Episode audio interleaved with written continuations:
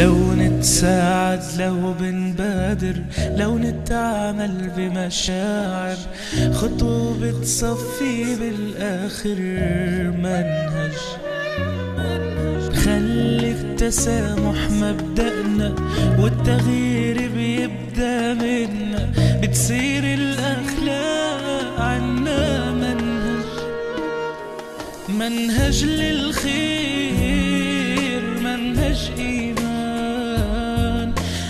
منهج للغير ولكل إنسان منهج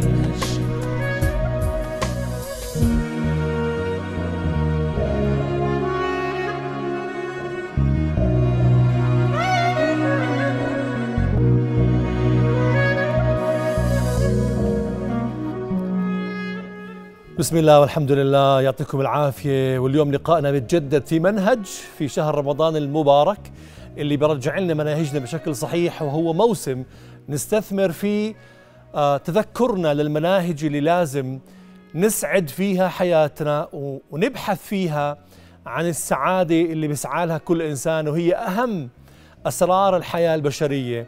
وزي ما بيعرف الكل إنه أهم سعادة وأول سعادة ولب السعادة وحقيقة السعادة هي جوا الأسرة اللي حواليكم بالضبط بيتك سواء كان بيت صغير ولا وسط ولا كبير مع زوجتك ومع زوجك ومع طفلك وطفلتك وطفلك والشاب اللي حواليك.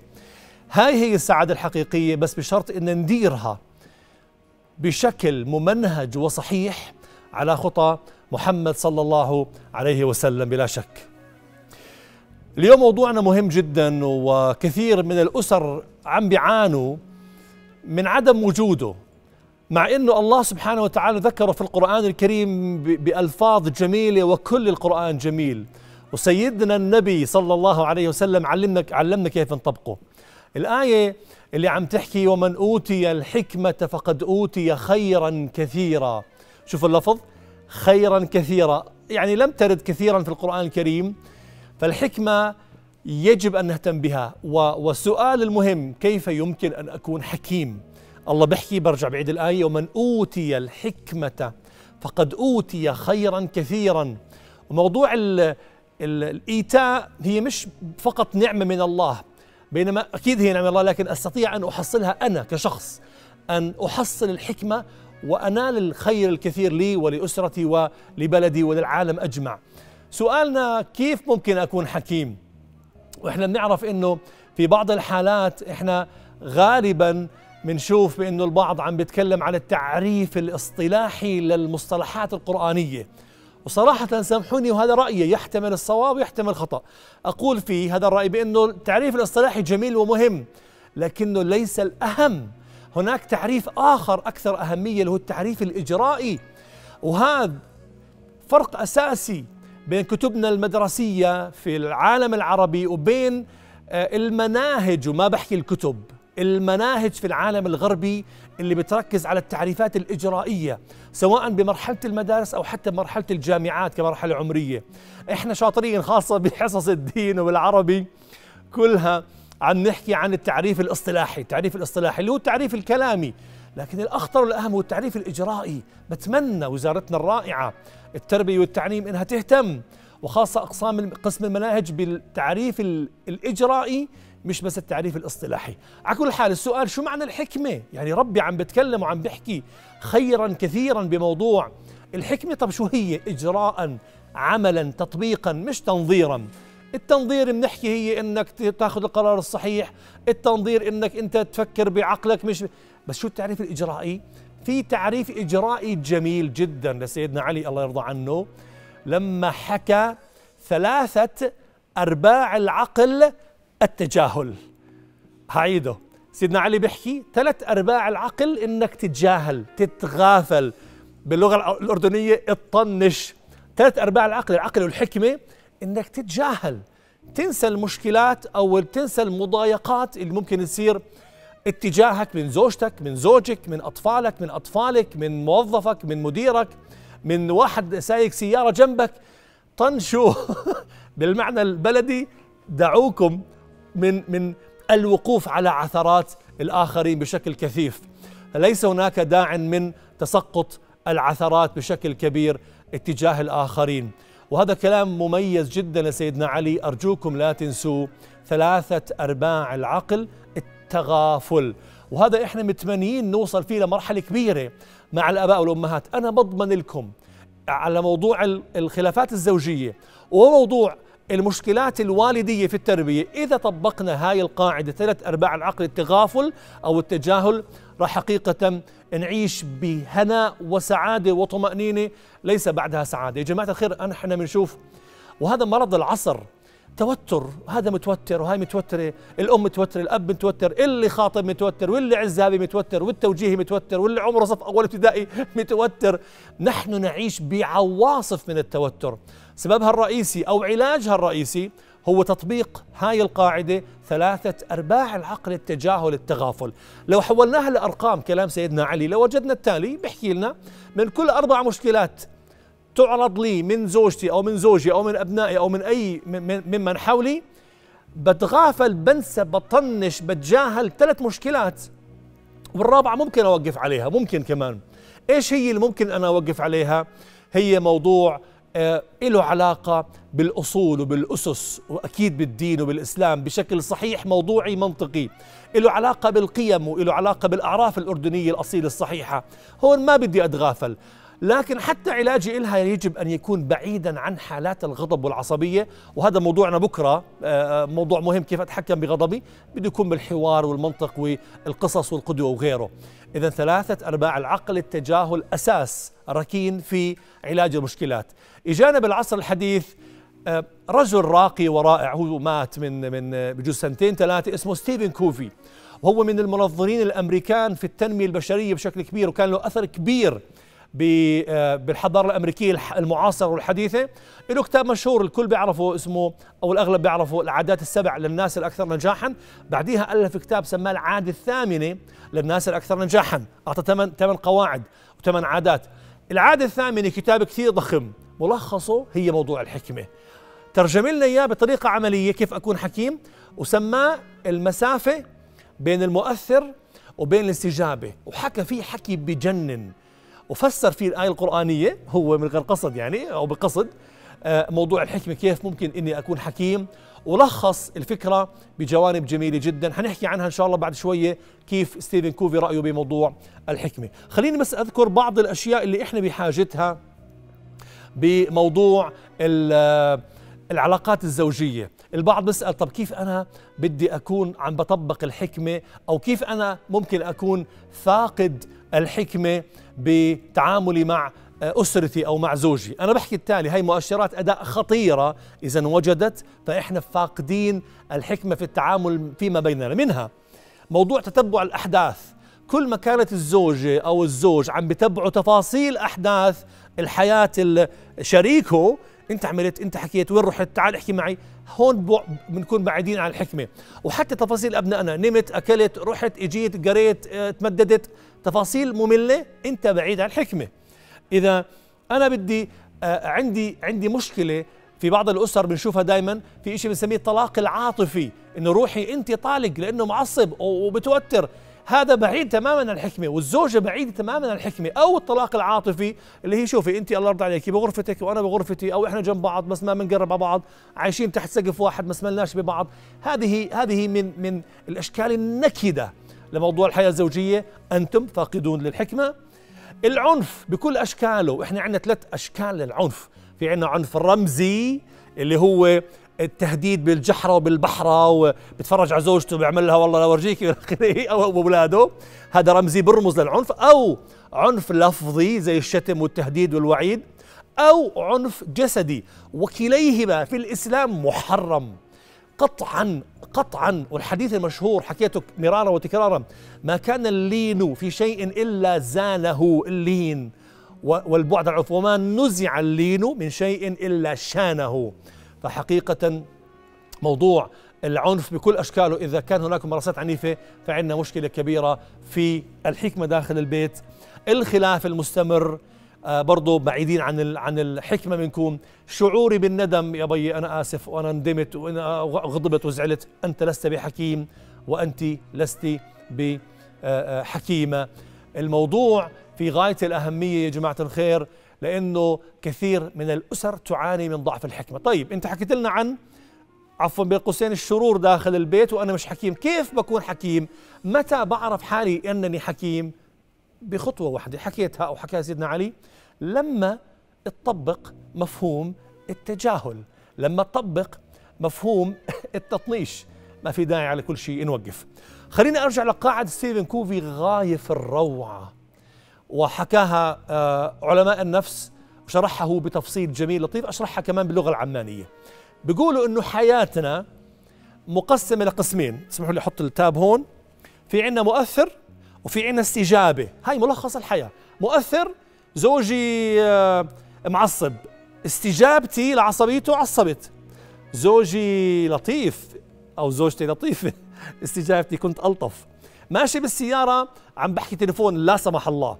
فاللي وراي زمر لي. هاي مؤثر تزميره إلي. مؤثر. استجابتي إني أنا وسعت الطريق زحت له أنا آسف. أو استجابتي إني رفعت إيدي من الشباك وشوحت له وصرخت له.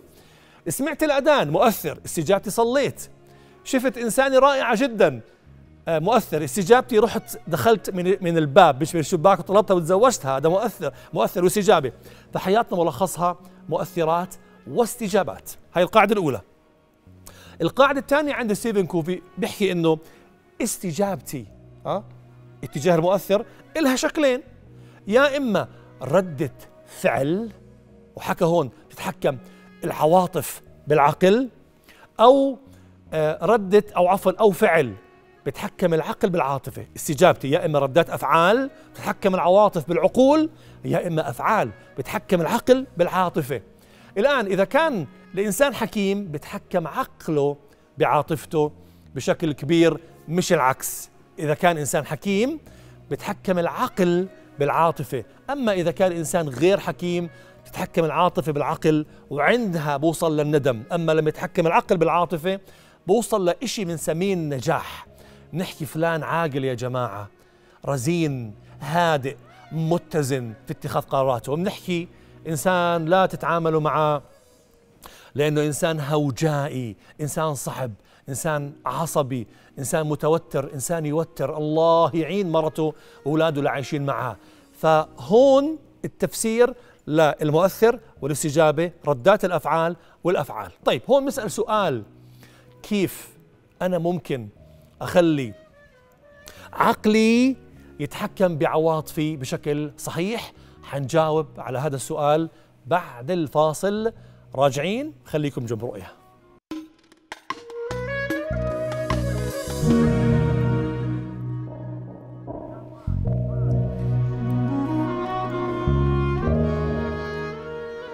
حياكم الله من جديد. خليني أرجع ألملم الفكرة تبعت ستيفن كوفي بالمؤثر والاستجابة والمسافة. في عندنا مؤثر؟ أي سلوك ممكن يأثر علي؟ هذا مقابل عندي بيطلع استجابة. استجابتي لها شكلين. يا إما بتتحكم العواطف بالعقل بسميها ردات أفعال. هي غالبا بتتصف بالسرعة. أول فكرة في بالي بحكيها. أول إشي في إيدي بخمه لا سمح الله. أو استجابتي شكلها الثاني آه، بنسميها أفعال. تتحكم العقول بالعواطف. وهون تمتاز بإنه في هدوء آه في إنسان عم بفكر أكثر بخياراته. هاي البدائل والخيارات كل ما فكرت فيها وكل ما أعطيتها وقت كل ما أنا صرت حكيم أكثر وأكثر. اجى ستيفن كوفي حكى القاعدة إنه الحكمة هي المسافة الزمنية بين المؤثر وبين الاستجابة. حنعرف أكثر عنها لكن بعد ما نشوف استطلاع الرأي ميداني من الزميل محمد الفاعوري والفريق الرائع. استطلاع مهم شوفوا وراجعين.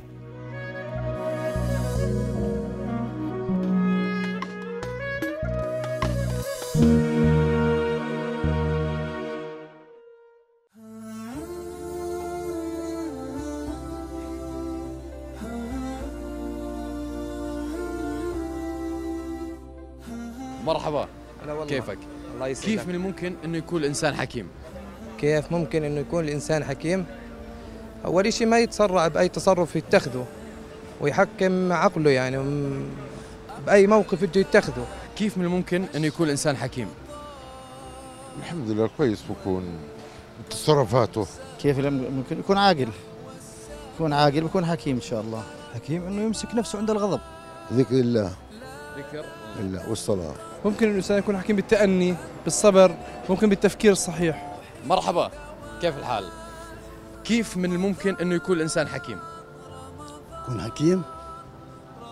والله بده يكون يعني أو العقلية يعني يوازن الأمور ال- آه، بحكمة يعني. كيف من الممكن إنه يكون الإنسان حكيم؟ والله شغلات كثيرة بتكون بكون حكيم. يعني في موقف صعب.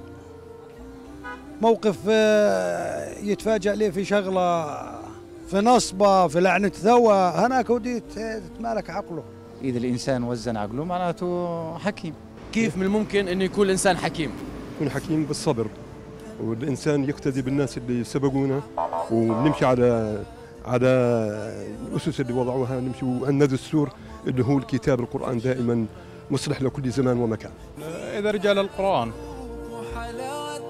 مرحبا شيخ كيفك؟ حياك الله الله يخليك. كيف من الممكن انه يكون الانسان حكيم؟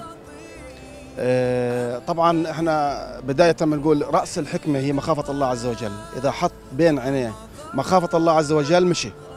عرفت كيف؟ وربنا عز وجل بيس- بيسر له الأمور وبسهل له إياها إن شاء الله.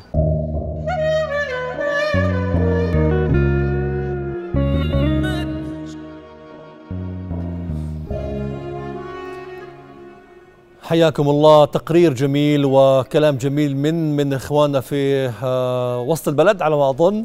آه، وتقرير آه، جميل جدا. آه، واعتقادي الكلام كان واضح بأنه استخدام العقل. بذكركم بأنه هواتف البرنامج عم تظهر بأسفل الشاشة. بنتشرف باتصالاتكم. لكن أرجو أنه يكون بنفس الموضوع موضوع الحكمة في التعامل بالذات داخل الأسرة بين الأزواج وبين الوالدين والأبناء أو بين الأبناء حتى والوالدين. موضوعنا راح أرجع لستيفن كوفي لأنه القاعدة مهمة جدا. عم نحكي بأنه الاستجابة قبل الفاصل كنا عم نحكي أو التقرير استجابتنا يا إما بتكون ردة فعل وهون بجر للندم وبجر للأسى. وإعرف كل إنسان شاعر بتوتر أو بنكد أو بندم أو بعدم رضا عن الذات.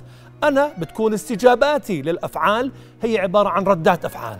استجابات المؤثرات. زوجتي حكت أنا رحت ضربت وصرخت هذا راح يجرك للندم راح يجرك للأسى. راح تشوف اولادك عم بيكبروا وتشوفي اولادك عم بيكبروا بظل أب أو أم في غاية السوء في التربية. أسوأ شيء في التربية. في عندنا ترى 16 أسلوب ممنوعات في تربية الأبناء. حنحكي عنه لكن بعد ما ناخذ هذا الاتصال أختي أم عمر. أم عمر السلام عليكم. وعليكم السلام. كل عام وأنتم بخير. وأنت بخير. الله يرضى عليك. تفضلي يا أم عمر. الله يسعدك. تفضلي. أنا بحكي إنه لما الإنسان يتعرض ل لدرج كيف يتحكم بأعصابه فدغري بيت- بيعصب كيف بده يتحكم بأعصابه لما يكون الموقف صعب كثير نعم. نعم. ام عمر أنت بتعتبري نفسك حكيمة هادية عقلانية ولا عصبيه آه أحيانا أحيانا. أحيانا. والأكثر عصبية ولا هادية ورايقة؟ آه آه أحيانا باللي حوالي بعصبوني كثير. طيب يلا يا رب تصيري هادي دائما بالقواعد اللي بنحكيها بحلقة اليوم وحلقة بكرة. أشكرك يا أم عمر.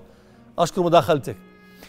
آه اذا الآن عم نحكي بشكر أم عمر على مداخلتها الرائعة وجميل دائما الصراحة ودائما بعلم النفس عم نحكي بأنه آه إذا بدي أتغير يجب أن أعترف بأنه في عندي خلل وفي عندي خطأ معين عندها ببدأ التغيير وببدأ أبحث عن منهجيات التعديل. طيب عشان الوقت ما يدركنا آه، كنا عم نحكي أنه استجابتي للمؤثر يا إما بتكون ردة الأفعال عاطفة بتتحكم بالعقل أو بتكون استجابتي للمؤثرات عبارة عن تفكير عقلي عبارة عن فعل بتحكم العقل بعاطفتك كيف؟ سهلة جدا. وسع مسافة زمنية بين المؤثر اللي أثر عليك زوجتك زوجك أولادك أولادك وبين استجابتك أو استجابتك. يعني حكيناها بالعماني زمان عد للعشرة قبل ما تتصرف. شو اللي بيصير؟ لما أنا أوسع الإشي اللي مني خمس ثواني عبين ما تكون عندي رد ردة فعلي طالعة خليه ياخذ مني عشر ثواني. بده ياخذ مني دقيقة ياخذ دقيقتين. لكن بالأخير أنا لما أوسع مسافة زمنية راح تيجي أفكار مختلفة أو بدائل مختلفة لسلوكي أو استجابتي تجاه هذا المؤثر. والله لا أضرب والله لا أصرخ والله لا ألوم والله لا آه بهدى شوي شوي شوي شوي. بالأخير بكتشف إنه لا خليني أتجاهل أحسن خليني أطنش أفضل خليني أتبسم هذا السلوك الصحيح. فدائما لما أوسع مسافة زمنية بين المؤثر وبين الاستجابة بكون أقرب لشيء اسمه الحكمة ولشيء اسمه التميز. في الحياة الأسرية. بكرة موضوعنا مهم جدا. أكيد بنلتقيكم بنفس الموعد على السبعة المساء على الهواء. موضوعنا مهم كيف أتحكم بالغضب. كثير موضوع مهم. خلي معكم بكرة ورقة وقلم. حنغششكم بعض المعلومات. نراكم على خير. السلام عليكم.